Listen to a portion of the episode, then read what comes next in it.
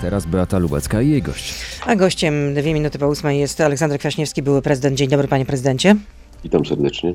Panie prezydencie, jeśli wystąpienie Władimira Putina mm, tuż przed wybuchem wojny na Ukrainie było dla pana wkurzające, to jak pan nazwie to, co się teraz dzieje za naszą wschodnią granicą? Mamy 34 dzień brutalnej wojny i nie zanosi się na jej szybki koniec, o, ty- o, o czym zresztą wspominał prezydent Stanów Zjednoczonych, będąc w Warszawie. Nie, wie pani, tamta wypowiedź Putina, którą skomentowałem ostrzej niż pani zacytowała, yy, no ale nie będziemy tego powtarzać, dobrze. Yy, To była zapowiedź niestety yy, wojny i, i to się stało. I ta wojna będzie długotrwała, dlatego że plan Putina, żeby zdobyć Ukrainę szybko, żeby mieć własny rząd w Kijowie i już w tej panować nad całą sytuacją, nie powiódł się. Ukraińcy br- bronią się dzielnie. Yy, Dowódcy ukraińscy okazują się bardzo zdolni, potrafią tą wojnę prowadzić mądrze, to znaczy nie konfrontując się tak na 100% z Rosjanami, a, a bardziej metodami partyzanckimi. No i prognoza, to nie tylko Bidena, ale właściwie większość ekspertów skłania się do mm, przekonania, że to jest raczej długotrwała wojna, która będzie miała różne swoje fazy, która będzie miała y, momenty ostrzejsze, trochę bardziej spokojne, będą obok toczyły się rozmowy, dzisiaj je mamy w Stambule. Y, No i będzie cały czas wielki problem humanitarny, ponieważ ten odpływ ludzi, ucieczka ludzi z Ukrainy będzie miała, będzie miała miejsce, także jesteśmy konfrontowani z no, wielką tragedią. Ale do czego zmierza Putin tak de facto? Bo wczo- przedwczoraj brytyjskie Ministerstwo Obrony oceniało to w ten sposób, że rosyjskie siły koncentrują się obecnie na wschodzie Ukrainy, na terenach przylegających do tych e, separatystycznych republik, natomiast na północy kraju sytuacja pozostaje statyczna.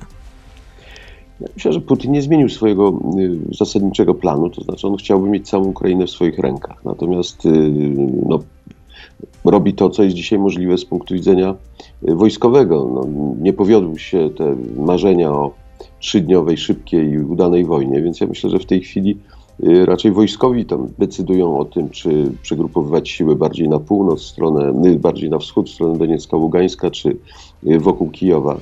Ale ja bym jeszcze tu spodziewał się bardzo wielu zwrotów akcji, że tak powiem. To nie, nie ma, moim zdaniem, plan Putina jest od początku jasny. On uważa Ukrainę za część swojego, swojej wielkiej Rosji i będzie dążył do tego, żeby, żeby ją mieć yy, w całości.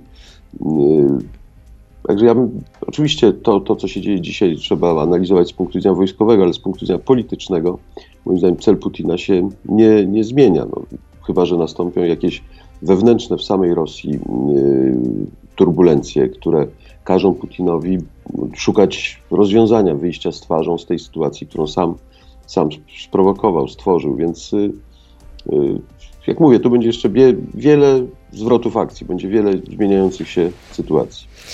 No, wspomniał pan, że dziś e, będą rozmowy pokojowe, kolejne zresztą w Turcji, tym razem między Ukrainą i Rosją. Czy coś z tego będzie, że to jest gra na czas ze strony Rosjan na przykład? Bo projekt porozumienia między Ukrainą e, a Rosją e, no, nie zawiera już trzech pierwotnych żądań Rosji, czyli denazyfikacji, demilitaryzacji i ochrony prawnej języka rosyjskiego na Ukrainie. Tak przynajmniej donosi Financial Times.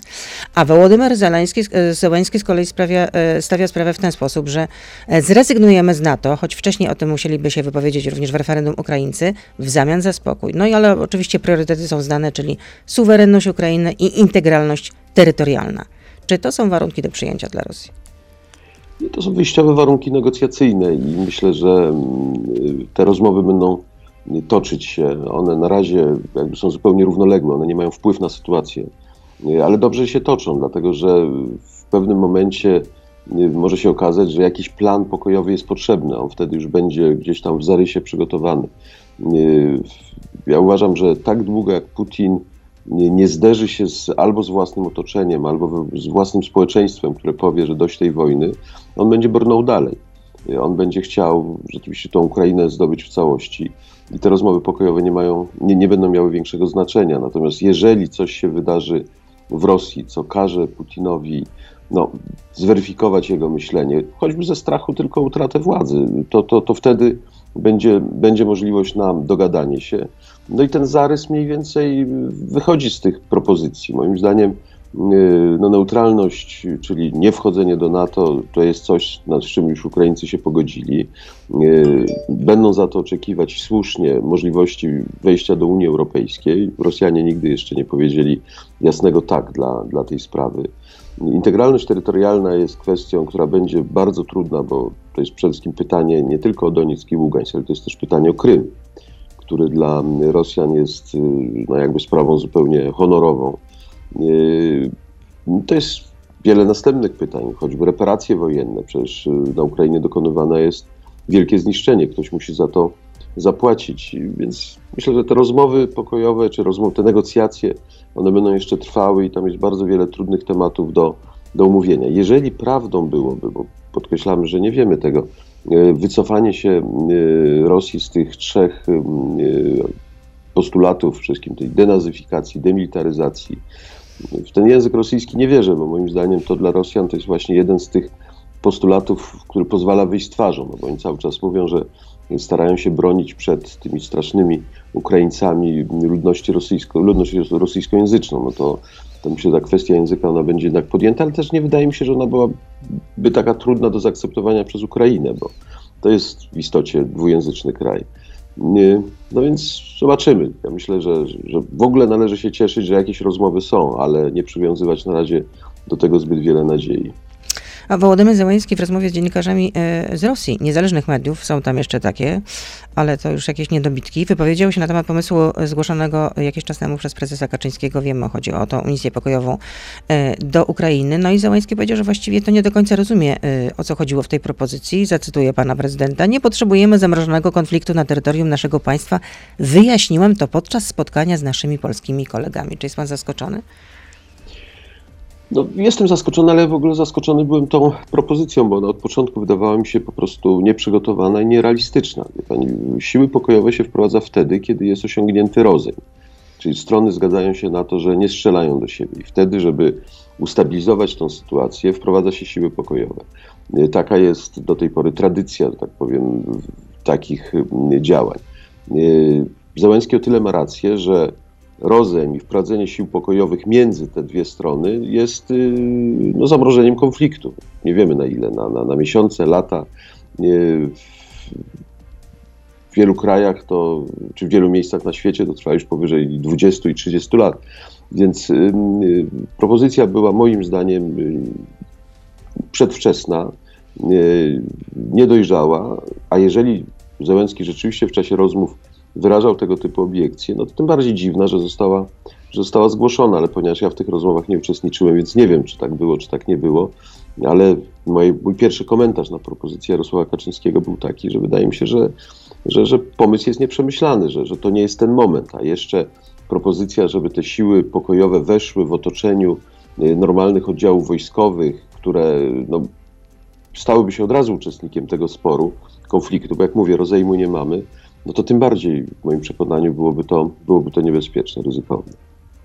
Jeszcze powrócę e, w tej części radiowej do tej wizyty Joe Bidena mm, w Polsce. Był pan na dziedzińcu y, Zamku tak, Królewskiego tak. podczas tego przemówienia? Był pan. Był. No, słyszał pan y, to przemówienie. Y, padały mocne słowa, między innymi pod adresem Władimira Putina. Prezydent Stanów Zjednoczonych nazwał Putina rzeźnikiem. Prezydent Macron by takich słów nie użył, a pan by takich słów użył? Jest zbrodniarzem wojennym. Nie wiem, czy słowo rzeźnik jest ostrzejsze od słowa zbrodniarz wojenny, czy nie, ale y, rzeźnik to jest trochę taka metafora, natomiast y, zbrodniarz wojenny to jest y, określenie precyzyjne, ponieważ z niego wynikają konsekwencje prawne. Moim zdaniem Putin za to wszystko, co zrobił teraz, ale i wcześniej w Gruzji, wypełnia wszelkie przesłanki, żeby stanąć przed takim międzynarodowym trybunałem i zostać osądzonym no i w moim przekonaniu skazanym, bo ja nie mam żadnej wątpliwości, że decyzja o napaści na państwo, które nie ma żadnych agresywnych zamiarów wobec Rosji, y, strzelanie do obiektów cywilnych, y, śmierć y, cywilów, kobiet, dzieci, niedopuszczanie do pomocy humanitarnej, choćby w Mariupolu, no to to wszystko to są zbrodnie wojenne. No ale to jest mało prawdopodobne, żeby to kiedykolwiek nastąpiło, że Putin odpowie za swoje zbrodnie przed Międzynarodowym Trybunałem. Nie wydaje mi się to prawdopodobne. Znaczy, i tak i nie. Sądziliśmy też, że w, y, zbrodniarze, którzy odpowiadali za te nieszczęścia jugosłowiańskie, nie odpowiedzą.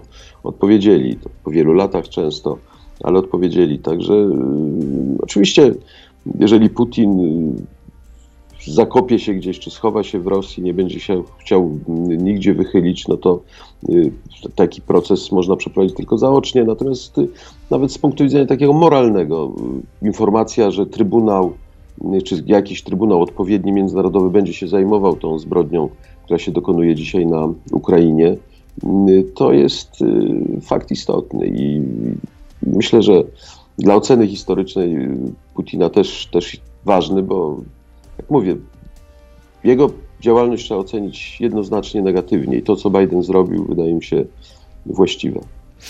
No to tyle w części radiowej. E, Prezydent e, Aleksander Kwaśniewski z nami zostaje. Jesteśmy na Facebooku, na Radio ZPL, na YouTube, więc proszę zostać z nami. Beata Lubecka, zapraszam. Coś pan chciał dodać? Coś, coś powiedziałem? Nie, tak? tylko chciałem podziękować. Chciałem podziękować słuchaczom. I Jeszcze powrócę do tej wizyty właśnie, bo tam padły też słowa, które właściwie e, elektryzowały międzynarodową prasę i wszyscy się zastanawiali, co tak naprawdę prezydent Biden miał na myśli. Czy chodziło o to, że należy y, mm, zmienić władzę na Kremlu, czy powinno y, dojść do zmiany y, władzy na Kremlu, czy o to chodziło prezydentowi Bidenowi. No, on sam to y, już wyjaśniał, że nie o to mu chodziło, tylko po prostu chciał powiedzieć, że mm, no, to było takie moralne oburzenie z jego strony, y, kiedy y, mówił o tym, że mm, no, no, no, po prostu powiedział, że taki człowiek nie powinien po prostu, ale- tacy ludzie nie powinni pełnić władzy, więc y, to nie, nie cytuję tego expressis verbis, ale mniej więcej taka była wypowiedź wtedy podczas tego przemówienia mm, w Warszawie na, na Placu Zamkowym. Czy pan to też tak odebrał? Nie wiem, takie pierwsze, pierwsze powiem skojarzenie, tak, jakie pan miał, kiedy pan usłyszał te słowa. takie, że Biden powiedział to, o czym myślą miliony ludzi na świecie, którzy słusznie uważają, że tak długo jak Putin będzie przy władzy, to tak długo ta agresywna polityka będzie prowadzona, więc on wyraził moim zdaniem szczere życzenie tych milionów ludzi, żeby, żeby Putin odszedł.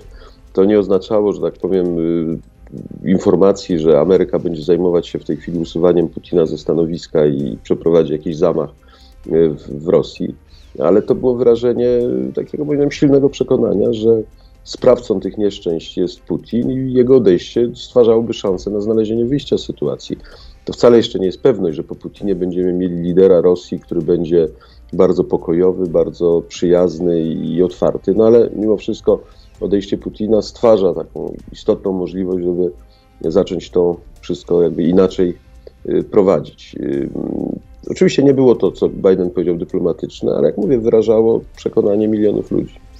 No tak, ale to wygląda jednak, że są to poboczne życzenia, jeśli ktoś myśli o tym, że, że Putin zostanie usunięty. Mm, e, Pieskow, znaczy rzecznik Kremla, Dmitrij Pieskow, Ja za, nie za, uważam, że to są pobożne życzenia. To są oczywiście życzenia, ale moim przekonaniu to ewidentne niepowodzenie rosyjskie na Ukrainie, ono musi spowodować jakąś refleksję i w otoczeniu Putina i wśród ludzi.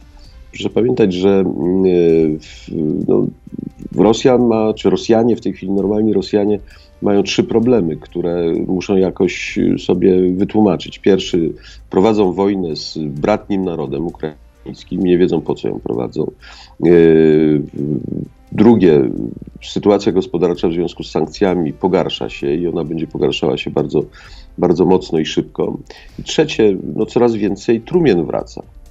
Wracają młodzi ludzie, którzy mają po 20 parę lat, y, do Charkowa mogli pojechać na wycieczkę autobusem czy własnym samochodem, pójść tam do dobrej restauracji, porozmawiać w swoim języku, bo w Charkowie na przykład 90 parę procent ludzi mówi po rosyjsku, a tam wysłano ich czołgami, a wracają w trumnie. Pani, to, to nie są kwestie, które takoż można zbagatelizować czy, czy nie rozmawiać o nich, więc ja myślę, że ten nastrój yy, będzie się pogarszał w Rosji.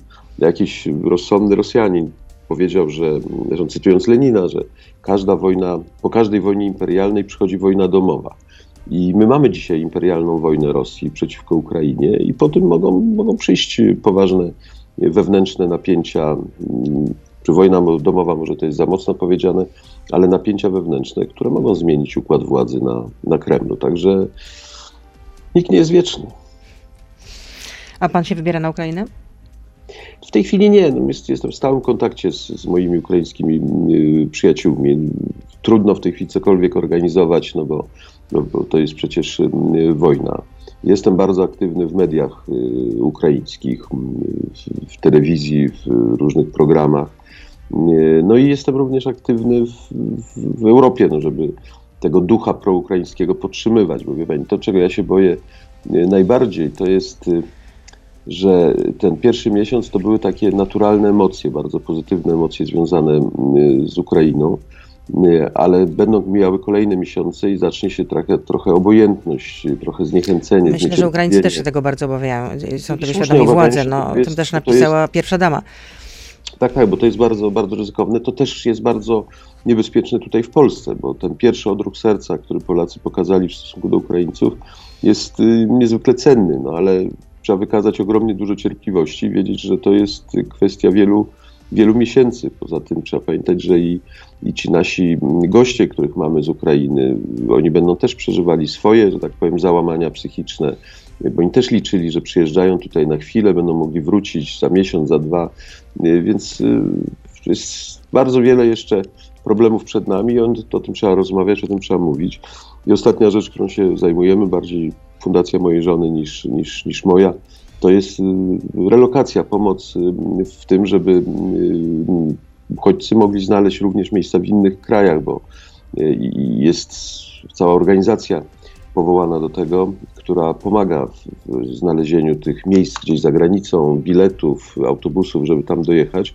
No bo też trzeba pamiętać, że w dłuższej perspektywie prawie 2 miliony ludzi z Ukrainy w Polsce to też będzie bardzo trudne do, do, do zachowania. Także tutaj gotowość partnerów europejskich jest ważna i ta relokacja, oczywiście dobrowolna, tu nikt nikogo do niczego nie zmusza, ale dobrowolna relokacja też jest niezwykle istotna.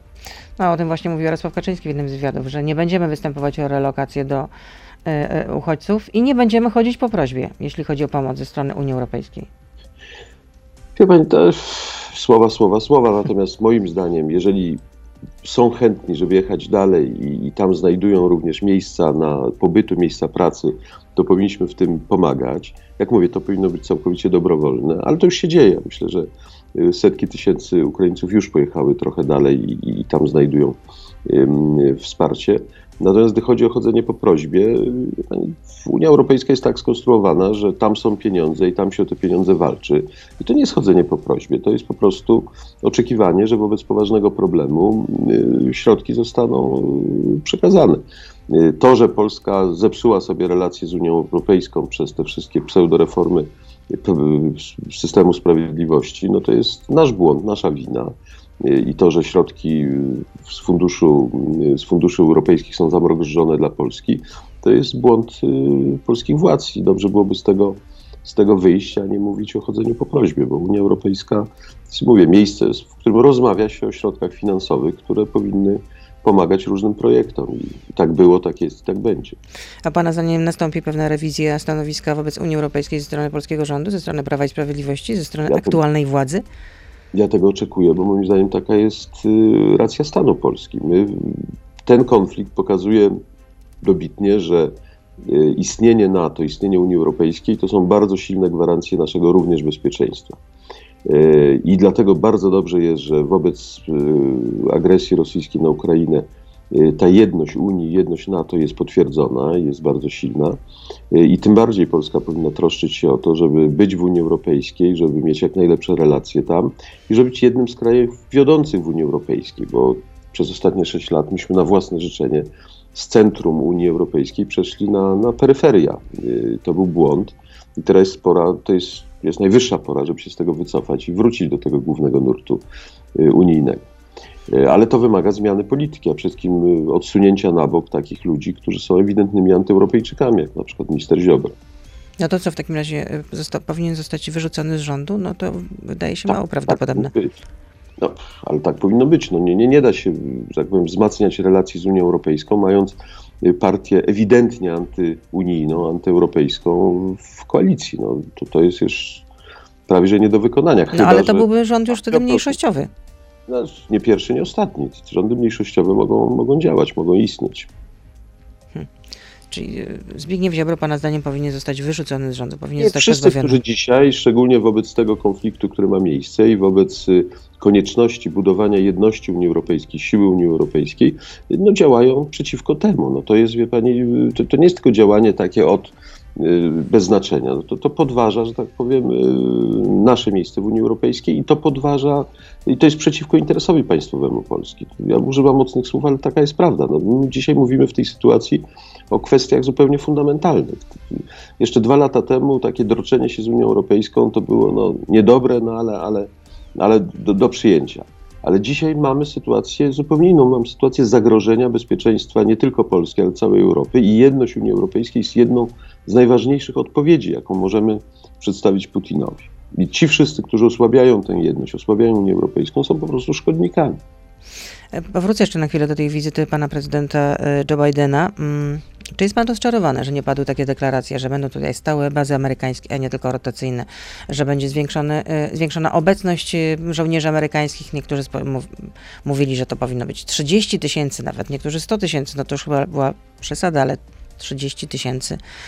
Czy takie deklaracje powinny były paść, pana zdaniem? Ja rozumiem, że one są jeszcze nieprzygotowane, te decyzje są nieprzygotowane i że będziemy mieli do czynienia z y, no, dalszym ciągiem. To, to, to wystąpienie Bidena było w tym momencie, natomiast jestem przekonany, że z Amerykanami rozmowy trwają i Amerykanie w swoich różnych planach y, myślą poważnie i o zwiększeniu kontyngentów wojskowych tu w Europie Wschodniej i być może przejściu z baz rotacyjnych na bazy stałe. Także ja nie jestem rozczarowany, bo jestem przekonany, że w związku z tym, że konflikt będzie długotrwały, będziemy mieli kolejne decyzje w, kolejnym, w kolejnych y, etapach, ale one muszą być przygotowane. Nie, nie jestem rozczarowany. No w ten weekend będą wybory na Węgrzech. Czy Viktor Orban powtórzy swój sukces? Bo na razie w z sondaży wynika, że różnica między y, nim, jego partią, a y, opozycją, tym blokiem opozycyjnym, to są zaledwie dwa punkty procentowe, więc y, no to nie będzie chyba taka bułka z masłem dla Orbana. No, pewno nie będzie to łatwe, ale obawiam się, że może wygrać. Y, Wie pani, wybory na Węgrzech y, są nie do końca y, sprawiedliwe czy, czy fair, dlatego że przewaga Orbana, zarówno wynikająca z tego, że on już wiele lat rządzi, ale także, że opanował wszystkie te struktury państwowe, zmieniał ordynację wyborczą, kroił ją tak, żeby było najwygodniej dla jego partii. No, ale najważniejszą rzecz, którą zrobił, to on przejął nie tylko media publiczne, ale on również poprzez swoich przyjaciół i znajomych przejął ogromną część mediów prywatnych. Także y, opozycja ma ogromny kłopot, żeby dotrzeć ze swoim programem, ze swoimi kandydatami z, z, y, do, do wyborców. I to może mieć istotne znaczenie dla ostatecznego wyniku, więc y, obawiam się niestety, że, że szanse Orbana są, są większe niż, niż opozycji.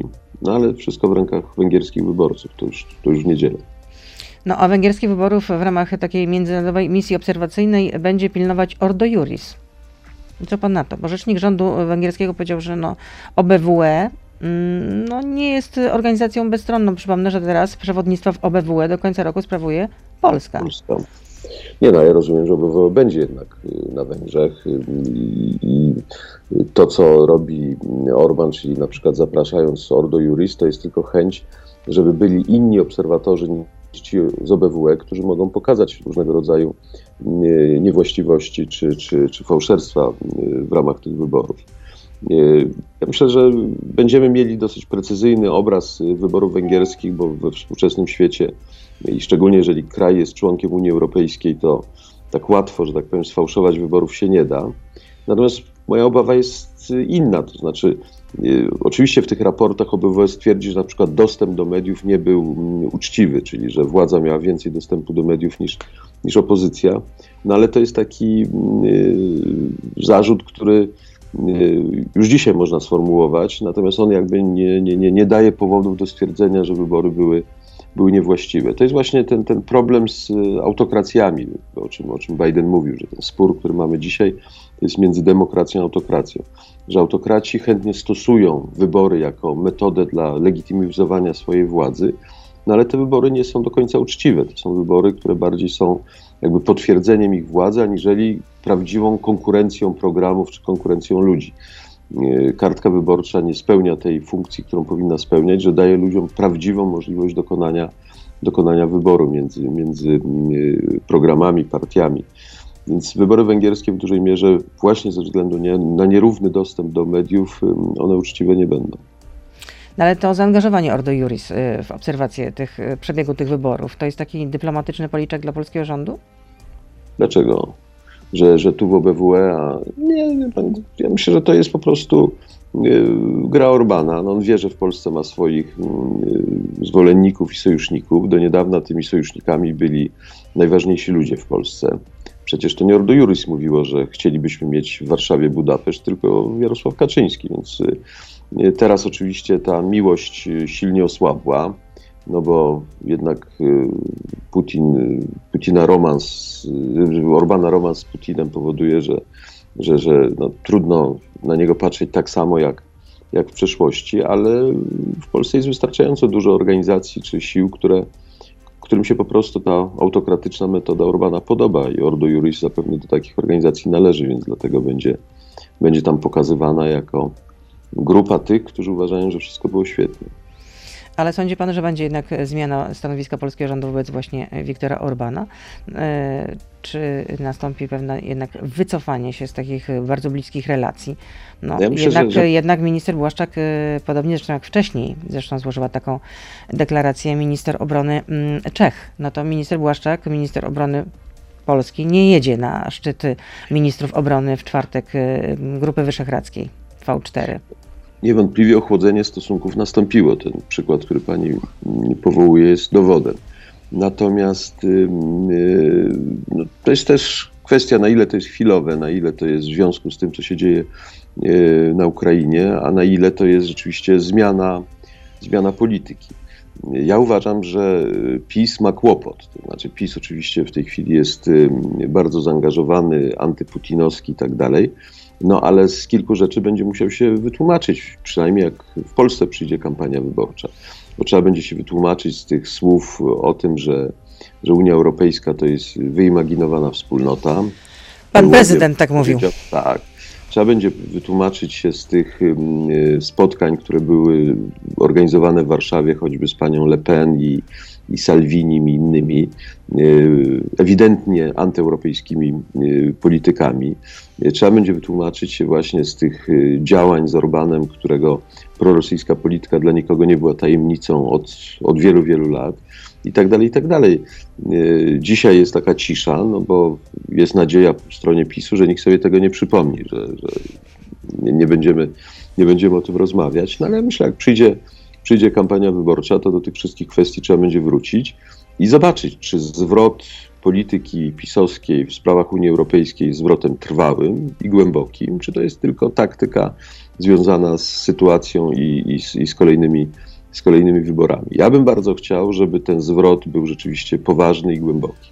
Żebyśmy zrozumieli ostatecznie, gdzie jesteśmy, gdzie są nasi przyjaciele, gdzie są nasi wrogowie i z kim należy prowadzić poważną politykę ręka w rękę, a z kim żadnych romansów ani, ani oficjalnych, ani nieoficjalnych nie warto robić. Myślę o takiej damie jak choćby pani Le Pen.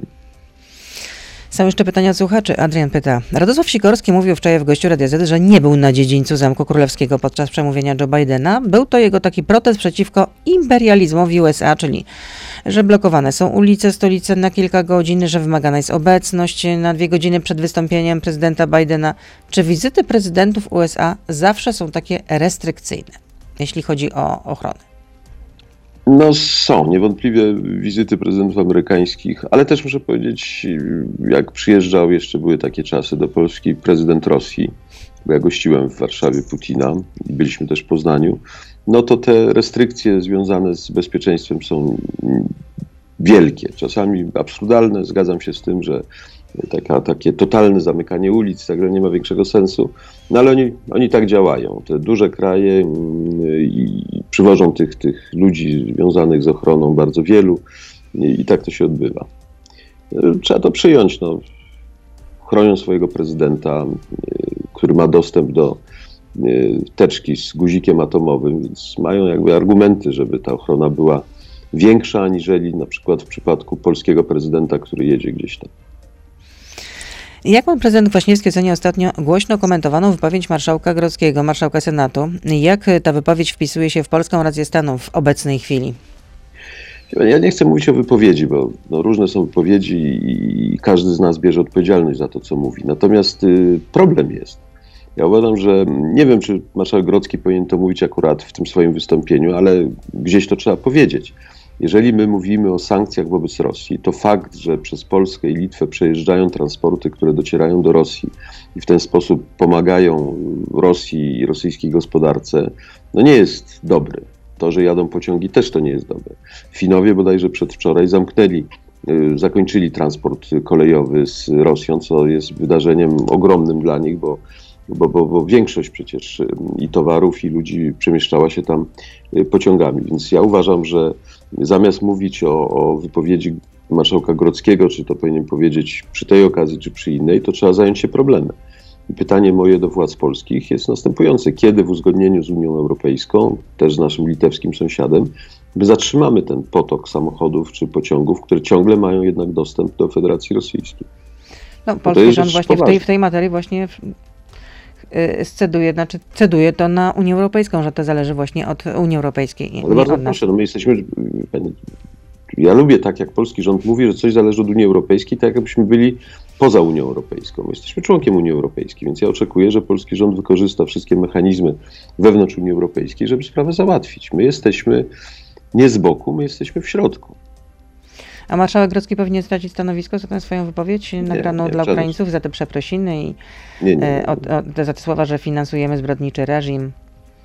Nie, nie. Ja uważam, że marszałek Grodzki podjął pewne ryzyko, będzie oceniony, wyborcy go ocenią, ale y, tego typu wypowiedź, która mówię, jest prawdziwa. Gdybyż on mówił o czymś, co nie ma pokrycia w faktach. On mówił o, o tym, co jest.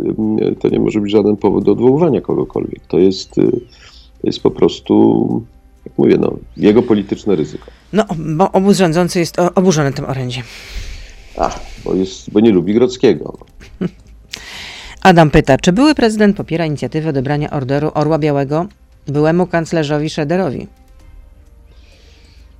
Pani, ja nie wiem, czy, jaka w ogóle jest procedura dotycząca y, odbierania orderów Orła Białego. Wiem, jak się je przyznaje, bo, bo robiłem to y, w swoim czasie. Y, Natomiast y, w moim przekonaniu, jeżeli taka procedura jest, to można ją oczywiście wdrożyć, ale ważniejsze jest co innego, żeby jasno powiedzieć, to mogę powiedzieć, bo mówię o człowieku, którego dobrze poznałem i z którym współpracowałem, zresztą całkiem dobrze współpracowało się ze Schroederem, kiedy był kanclerzem. On pomógł y, Polsce i wejściu do Unii Europejskiej i muszę też powiedzieć, że był pomocny w czasie pomarańczowej rewolucji na Ukrainie, bo ja korzystałem z jego dobrej znajomości z Putinem, żeby on właśnie był takim łącznikiem y, między mną a, a Putinem. Yy, No ale to, co robi w ostatnich latach, to jego przejście na takie proputinowskie pozycje, udział w tych wszystkich rosyjskich radach nadzorczych i tak dalej, jest niewątpliwie fatalne i, i, i, i powoduje, że cała moja sympatia do, do Schroedera znikła. I to, że jest krytykowany wszędzie, także w samej Republice Federalnej. No, to ale jego własna partia ma z tym problem. No nie wie, czy się go no pozbyć, czy no, nie ale pozbyć. To, to znaczy, to znaczy że, że, że popełnia, popełnia błąd i mówiąc szczerze, już w jego wieku mógłby sobie dać z tym, tym spokój. No ale z drugiej strony on ma już piątą żonę, więc mogę sobie wyobrazić, jakie ma też wydatki. No to jeszcze pytanie ode mnie. Jakie mogą być, e, jaka mogła być reakcja odwetowa za wydalenie 45 rosyjskich dyplomatów? Bo taki odwet był zapowiadany ze strony rosyjskiej. No, mówił o tym Sergiej Andriejew, czyli ambasador Rosji w Polsce. No to jest taka typowa praktyka, że jeżeli wy wydalacie, to i my wydalimy. Oczywiście nie sposób wydalić 45 polskich dyplomatów, bodajże tylu nie mamy e, w Moskwie. Więc zapewne jakiś, jakaś niewielka grupa zostanie e, uznana za persona non grata i, i, i tak, tak to będzie się odbywało. A sądzi pan, że te y, zapowiedzi Ławrowa są realne, że do Rosji nie będą wpuszczane, wpuszczani obywatele, mm, będą problemy ze zdobyciem wizy, obywatele państw, które zasto- zastosowały sankcje wobec Rosji? Myślę, że tak. Myślę, że, że to, to mogą zrobić, bo to jest taki odwet no, dosyć prosty. do wykonania. Natomiast nie wiem, czy bardzo dokuczliwy, bo ja nie wiem w tej chwili, jak wiele osób y, chce jechać do Rosji, jak wiele osób stara się o te wizy. To będzie oczywiście cios dla ludzi, którzy mają no, wiem, mieszane rodziny, czy, czy chcieliby yy, odwiedzić, ale to nie jest żadna skala masowa, także ja bym się takiego, takich restrykcji ze strony rosyjskiej spodziewał, e, ale nie sądzę, żeby to miało jakieś większe znaczenie. Y, Rzecznik Kremla powiedział jeszcze, że Rosja użyje broni jądrowej tylko w przypadku zagrożenia dla istnienia państwa, państwa, czyli Rosji, a jakikolwiek wynik operacji na Ukrainie nie jest powodem do użycia broni jądrowej. Poczuł się pan uspokojony? To jest uspokajające oświadczenie, ale z drugiej strony wiem, że decyzję o tym, czy używać tej broni w jakiejś, i w jakim zakresie nie podejmie Pieskow, tylko podejmie Putin. A, a ale to wydaje usta Putina też można powiedzieć. No ale takie bym powiedział dosyć oddalone, że wszystko co robi w tej chwili Putin to jest mniej więcej, bo symbolem tego jest ten stół wielometrowy, za którym on się spotyka ze swoimi, ze swoimi gośćmi, a, a nawet swoimi współpracownikami. Yy, Więc yy, no, dobrze, no, Pieskow to powiedział, rozumiemy, że to jest komunikat ym, władz rosyjskich, ale to nie powinno nas uspokajać, bo moim zdaniem przy tym stanie oderwania się od rzeczywistości Putina i jego obsesjach, to no, różne rzeczy mogą się wydarzyć, więc y, e, analitycy i, i, i powinni też taki scenariusz gdzieś tam, gdzieś tam sobie y, przygotowywać. Co robimy, jeżeli Putin zdecyduje się użyć jakiejś takiej mniejszej, taktycznej, powiedzmy, niestrategicznej broni jądrowej przeciwko jakiemuś celowi w krajach natowskich czy, czy, czy, na Ukrainie. Bym- Mam nadzieję, że nie, do tego nie dojdzie, ale jak mówię, mądrzy analitycy powinni też i nad tym siedzieć. Coś optymistycznego na koniec? Fuh, no wie pani, cóż tu można powiedzieć optymistycznego? Jestem, za, za parę godzin rozpoczną się uroczystości pożegnania e, Krzysztofa Pendereckiego, który tu w Krakowie, jestem w Krakowie dzisiaj, który zmarł dwa lata temu i przez COVID y, nie mogliśmy pożegnać należycie tego wielkiego artysty, wielkiego kompozytora i też kawalera Orderu Orła Białego. Y, Dzisiaj to będzie miało miejsce. Y, Jego prochy zostaną y, złożone w Panteonie na Skałce tutaj w Krakowie. Y, Tak mówiąc, mówię o tym, dla, cóż tym optymistycznego, ale no, żyjemy w czasie, kiedy właśnie COVID zrujnował nam y, dwa lata. Y, Nie mogliśmy nawet, jak mówię, pożegnać tak wielkich ludzi. Teraz mamy wojnę na Ukrainie, która może być rujnująca na kolejne długie, długie miesiące, więc jedyne optymistyczne, które, co mogę powiedzieć, to jest to, abyśmy byli zdrowi, abyśmy byli wytrwali, abyśmy wykazali mądrość i cierpliwość i życzliwość wobec naszych ukraińskich przyjaciół i tych wszystkich, którzy dzisiaj są w Polsce, mieszkają w naszych domach i no i tyle. No to jak mówię, im więcej naszej siły, tym, tym więcej nadziei na przyszłość. Dziękuję za to spotkanie. Aleksander Kwaśniewski, były prezydent, był z nami. Dziękuję. To był gość Radia Z. Słuchaj codziennie w Radio Z i na player radioz.pl.